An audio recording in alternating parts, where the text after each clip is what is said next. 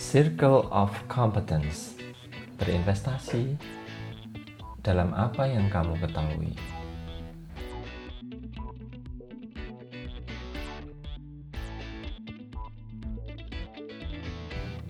Halo pendengar, jumpa lagi dengan saya di podcast Investor Cerdas. Saya Arif, host Anda di podcast yang dipersembahkan oleh bulasalju.com ini.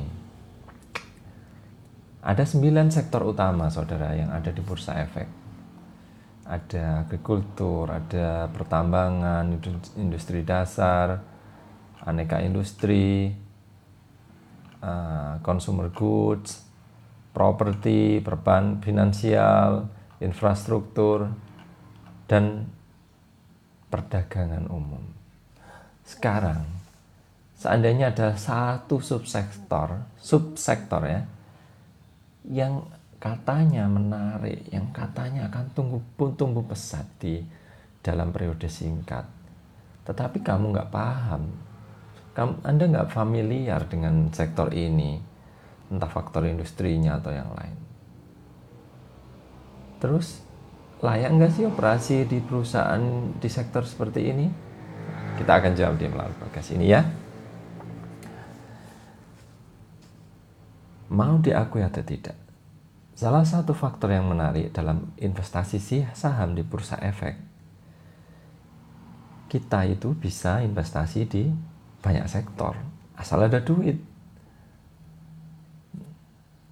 Ini tentu ada positifnya ya saudara ya kebebasan memilih industri ini sangat menarik. Investor bisa fokus di industri yang diminatinya. Atau di sisi lain ya, investor bisa memilih perusahaan di industri yang asing. Bayangkan ya kalau seandainya Anda di dunia nyata. Apa mungkin uh, Anda berinvestasi di bidang yang Anda sangat asing? Enggak mungkin. Di dunia saham itu memungkinkan dan karena karena nggak mungkinnya tadi kita akan diskusi sisi negatifnya ya katakanlah anda ini seorang programmer katanya atau ahli ahli teknologi informasi umum. Anda ingin menyerap ingin masuk berinvestasi di dunia properti. Contohnya ya mendirikan klaster seperti itu ya. Agar peluang Anda sukses di industri di usaha yang seperti ini tentu tentu Anda harus belajar uh, banyak faktor eh, industri usaha ini. Anda harus mempelajari uh, misalkan ya arsitektur yang lagi tren, yang lagi menarik. Anda harus belajar perencanaan proyeknya. Anda harus mengetahui supplier bahan bangunan yang terjangkau, yang bertanggung jawab, yang menyediakan barang-barang bagus dan cepat. Itu itu faktor hanya di developmentnya saja, belum di marketingnya. Bagaimana memasarkan klaster ini ke audien yang yang tepat, yang cepat, dan kita belum lagi bicara dengan pembiayaannya, financing atau kepembiayaan konsumennya. Banyak sekali kan? Apakah mungkin seorang uh, ahli ahli TI, teknologi informasi, masuk ke properti? Mungkin. Di dunia nyata mungkin dan banyak sekali orang-orang yang sukses seperti itu. Namun tentu dia harus belajar banyak. Atau contoh lain ya katakanlah. Kali ini kita mau bicara di dunia saham seorang dokter katakanlah gitu ya maaf ya ini hanya contoh aja bukan saya nggak meremehkan profesi dokter atau profesi TI di mana saya juga mantan, uh, mantan atau masih berkutat di teknologi informasi ya. Seorang dokter dia tertarik di industri batu bara katakanlah. Karena berita-berita menyebut coal akan hot tahun ini. What? So what? Ya. Apakah layak kegiatan seperti itu dilakukan? Sementara dokter itu nggak tahu apa-apa tentang dunia pertambangan, dia nggak tahu bagaimana ilmu mengapresiasi mineral dan seterusnya dan seterusnya. Dia nggak tahu bagaimana perencanaan proyek bagaimana return on investment ROI investasi itu berakhir berhasil dalam berapa tahun. Bagaimana faktor resikonya pertambangan itu sendiri pembiayaannya sendiri bagaimana aspek limbahnya sendiri bagaimana? So what? Ya. Contoh profesi lain katakanlah sekarang. Seorang dosen. Dia dosen di bidang katakanlah ilmu pengetahuan. Lalu dia tertarik industri perbankan. Atau seorang bankir investasi di bidang agrikultur, agriculture ya. Dan banyak sekali kan peluang-peluang seperti itu yang bisa terjadi ketika seseorang berinvestasi di dunia saham. Ya, memang ada benarnya. Seorang investor itu Alih profesi ini ada hubungannya dengan diversifikasi ya saudara. Ada benarnya. Sebaiknya investor juga berinvestasi di multi saham. Saham, beberapa saham katakanlah 10 untuk investor yang awam, untuk investor yang lebih canggih mungkin bisa lebih sedikit. Kalau dia punya fokus di bidang-bidang tertentu yang memang menurutnya menarik, ada peluangnya besar memang ada poin ada poin pentingnya. Persoalannya, apakah investasi di bidang yang benar-benar sangat asing itu layak dilakukan? Nah, di sini saya kira kita perlu mengulas paradigma investasi yang ber, yang kita sebut invest in what you know. Berinvestasi dalam apa yang kamu ketahui. Ada dua investor utama yang mengingatkan saya tentang paradigma ini. Sosok pertama adalah Warren Buffett yang sering bilang kita berinvestasi dalam lingkaran kompetensi kita. Lingkaran kompetensi kita, saudara. Our circle of competence. Menarik ya? Ada satu lagi tokoh lain yang mengenalkan paradigma serupa, yaitu Peter Lynch mantan manajer investasi dari Magellan Fund dengan contoh investasi di perusahaan yang produk atau jasanya familiar atau sering kita pakai. Nah, menarik juga ya. Peter Lynch ini punya kinerja 13 tahun di reksadananya saudara, di reksadana bukan di fundnya ya. Uh, sebesar 20 sorry ini ingatan saya nggak secanggih Warren Buffett, saya sering lupa. 29% kalau nggak salah ya, dalam 13-an tahun Peter Lynch. Nah, nanti silakan dicek. Nah, sekarang kita mau bicara lingkaran kompetensi kita. Kalau menurut saya, ini menurut saya, tapi mungkin saya juga mendapatkan pengetahuan dari yang lain. Menurut saya manusia itu pada dasarnya hanya ahli atau memahami beberapa bidang saja hanya beberapa bidang saja. Masalahnya, kita sebagai investor ini diundang, kita digoda untuk masuk ke banyak sektor yang tersedia di bursa saham. Bayangkan tiker uh, tiker saham yang beredar bergulung-gulung di layar trading Anda dari sektor perdagangan, retail, consumer goods, perbankan, pertambangan dan seterusnya. Banyak sekali pilihan investasi kita mungkin tergoda ingin masuk ke satu sektor, besoknya sektor lain. Soalnya ya kita berinteraksi dengan mereka semua, emiten-emiten di multi industri itu setiap hari. Belum lagi kalau kita diskusi dengan kawan, mereka bilang ini menarik, saya lagi untung di pertambangan, saya lagi untung di perbankan dan seterusnya. Namun pada dasarnya saya percaya setiap setiap orang itu pengetahuannya, eh, eh, kesungguhannya, daya tahannya, kekuatannya belajar itu hanya ada di bidang-bidang yang diketahuinya dan itu terbatas sekali. Katakanlah ya saudara ya, seorang ahli perencanaan atau pelaksana konstruksi, Anda misalkan kontraktor proyek seperti itu, Anda tentu bisa menganalisis baik buruknya perusahaan infrastruktur atau properti atau konstruksi. Anda tentu lebih mudah mempelajari sektor-sektor itu dibanding seorang dokter misalnya. Atau dibanding saya yang orang TI, orang programmer. Iya nggak kayak gitu. Nah, menurut pandangan ini, bidang-bidang infrastruktur, properti, atau konstruksi adalah lingkaran kompetensi seorang perencana proyek ini. Gitu. Di sisi lain, seorang dokter mungkin bisa secara mudah menganalisis industri farmasi. Mungkin ya saudara, nggak semua dokter bisa, tapi ya mungkin. Nggak seperti juga tadi, semua perencana proyek bisa menganalisis uh, properti, infrastruktur kayak gitu kan. Tapi mungkin sekali seorang dokter bisa lebih mudah menganalisis industri farmasi karena ia dekat dengan bidang itu, gitu ya. Ya, tentu kita mafum, kita kita paham. Ada orang yang bisa belajar multidisiplin ilmu, multisektor.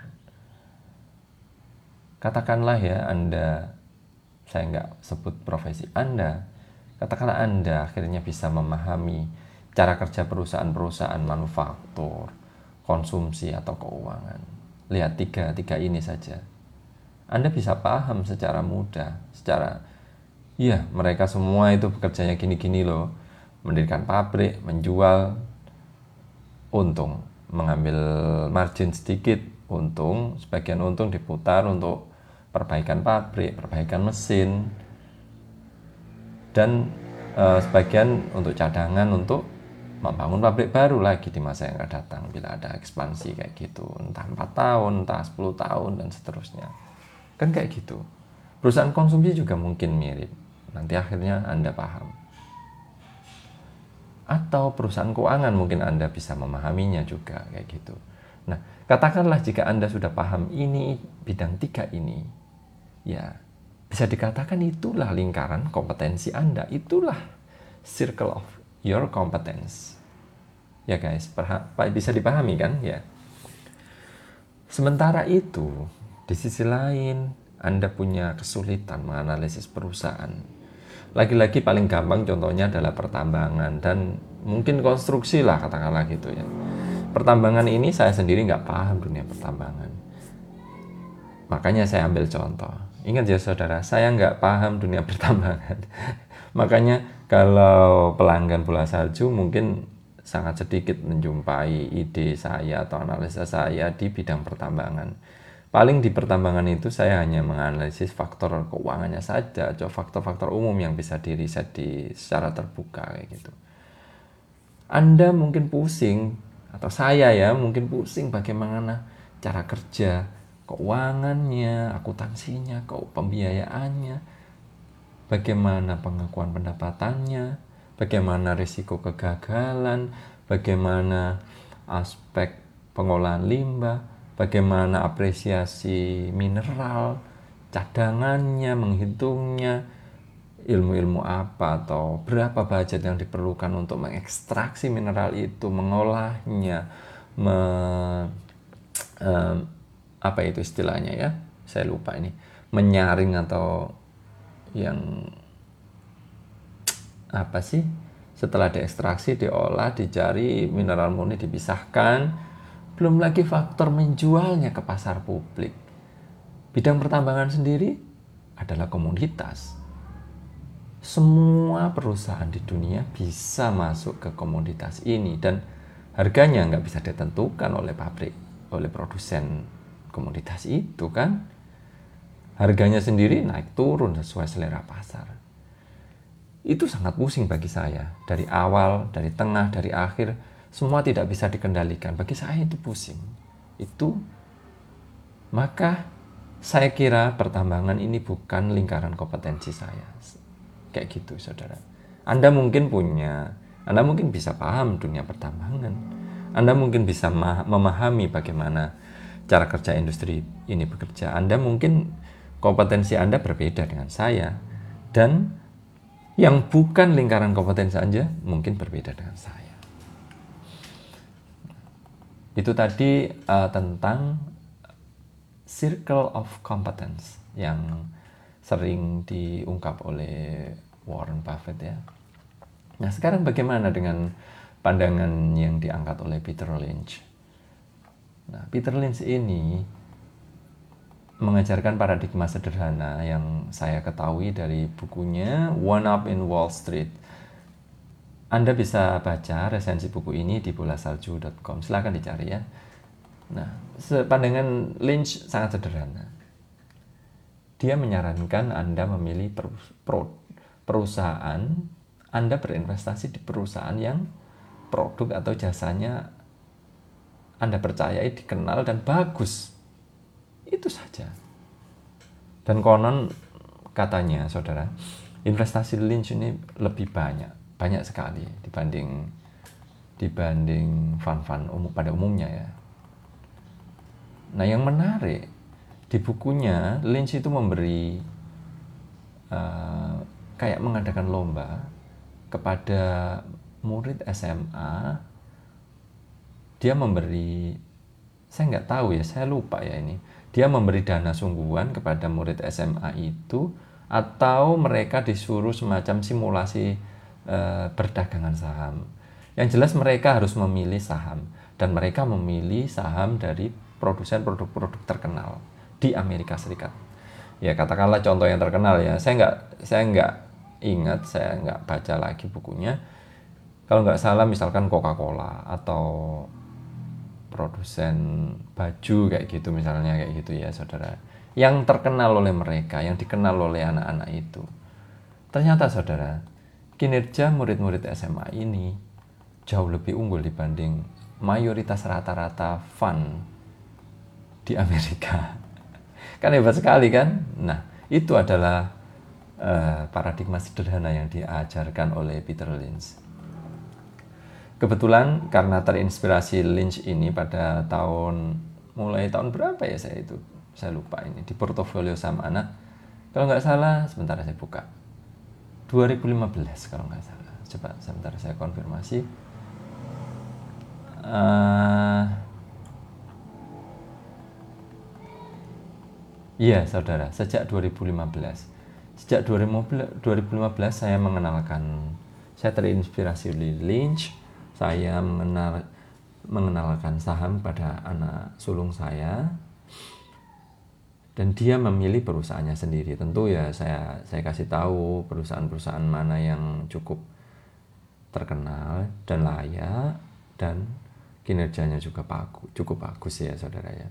Saya kenalkan dia, dia memilih sendiri. Kebetulan perusahaan ini Uh, dulu kami lumayan ser kalau lagi pergi ke Semarang misalnya ke kota Semarang uh, sering berkunjung ke tokonya jadi familiar lah uh, anak saya dengan perusahaan ini nah uh, terus sekarang di 2019 sejak 2018 di, saya pisah rekeningnya dia memilih beberapa perusahaan yang lain dan anak saya juga familiar dengan mereka semuanya ini. Anak saya memilih sendiri, nggak mau nggak mau saya pengaruhi. Saya sudah sodorkan uh, saham beberapa yang lain, dia memilih. Nah karena saya mempercayai Lynch, saya juga paham kalau dipaksa juga anak saya nggak nyaman kan, saya biarkan. Dan kinerjanya saudara ternyata lumayan menarik, bahkan pada dua tahun itu sempat mengalahkan bola salju. Gila Nah ini menarik juga. Nah saudara, faktor yang kemudian Anda sudah tahu ya, berinvestasi ke hal-hal yang Anda ketahui. Nah tentu saja sebagai investor nilai kita juga harus harus mengetahui faktor-faktor nilai itu tentu harus terpenuhi terpenuhi dulu ya. Uh, terpenuhi artinya ya tentu kita memilih perusahaan-perusahaan yang kita percayai berada dijual ah, berada atau dijual di bawah nilai intrinsik mereka.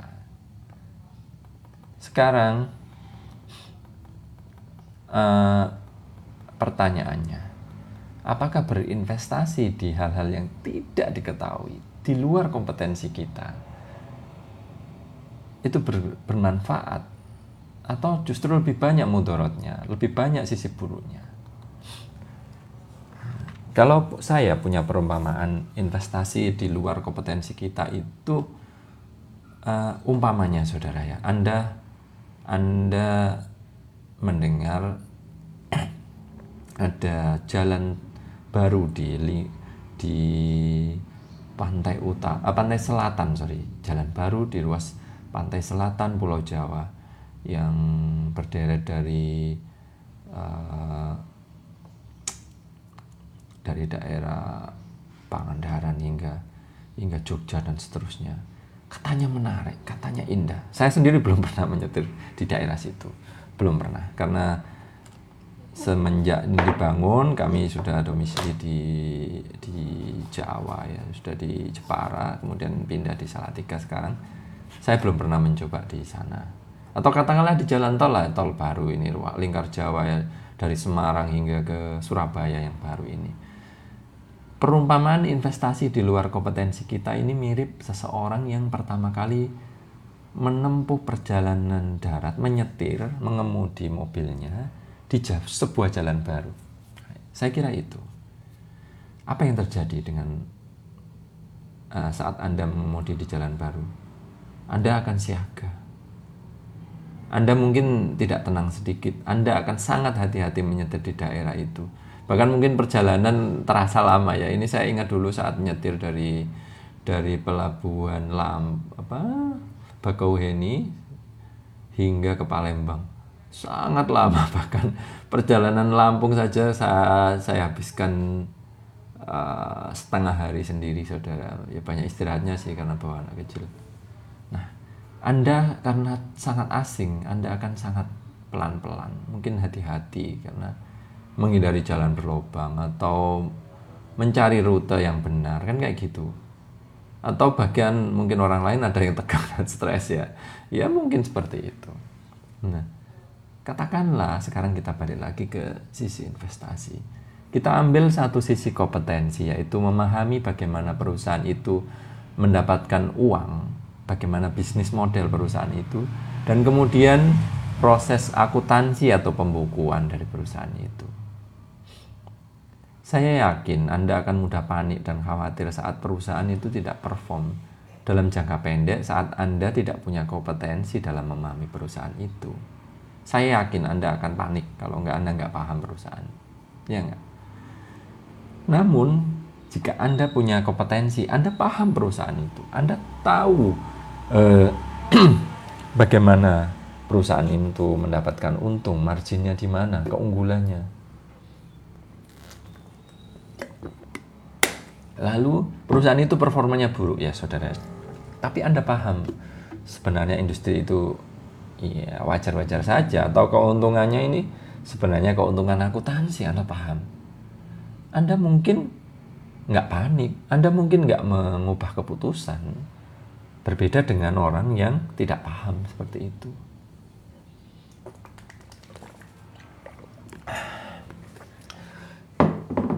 Jadi, jika kita melangkah di luar kompetensi kita, saat perusahaan negatif kinerjanya, lalu saat sahamnya turun, saudara, ingat, perusahaan yang kinerjanya buruk pasti setelah pasar mengetahui informasinya itu, ya mungkin akan diikuti dengan kinerja sahamnya yang turun. Jika Anda panik, Anda mungkin akan ketakutan, Anda buru-buru menjual sahamnya. Ya nggak kayak gitu kan. Namun jika Anda investor yang sudah tahu masuk di uh, nilai yang tepat, Anda sudah beli di diskon katakanlah 30% atau diskon 40% dari nilai intrinsiknya. Anda sudah beli. Perusahaan itu kemudian tidak perform atau stagnan atau buruk pada tahun ini. Apa yang terjadi? Sahamnya turun. Ya, turun. Lalu Anda panik. Anda mungkin tidak karena Anda melihatnya saham sedang turun Ingat faktor nilai. Silahkan Anda baca, Anda dengarkan podcast episode-episode sebelumnya dari The Intelligent Investor tentang bahasa Intelligent Investor ya. Anda akan tahu ini justru peluang karena Anda tahu perusahaan ini bagus, nilainya sudah Anda beli diskon dan didiskon lagi. Gila kan? Kayak orang orang punya toko, dia sudah terbiasa uh, beli grosiran di sebuah toko, dia bisa menjual harganya nilainya 1000 sementara dia suatu saat biasanya beli di toko itu harganya di sebuah toko langganannya harganya 600 saudara. Dia bisa untung 400 rupiah. Ternyata setelah dia sempat nengok-nengok toko lain ada toko lain menjual harganya 500 what's wrong? Orang pemilik toko itu mungkin akan memborong sebanyak-banyaknya barang di toko yang lain itu kan ya itulah sederhana jadi saudara saya kira faktor mengetahui circle of competence, uh, lingkaran kompetensi kita ini sangat penting. Saya sering menjumpai situasi saat banyak investor tidak tahu, tidak yakin dengan kualitas perusahaannya. Dia hanya membeli karena ikut-ikutan. Dia tidak tahu nilai perusahaan itu. Atau investor memaksakan diri berinvestasi di uh, saham perusahaan yang sebenarnya di luar kompetensi kita, kompetensinya, sorry.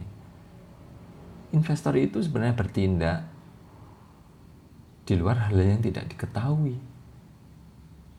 Akhirnya, saat investor tidak yakin, ia akan berhadapan dengan resiko ketidakpastian yang berakibat fatal terhadap operasi investasinya.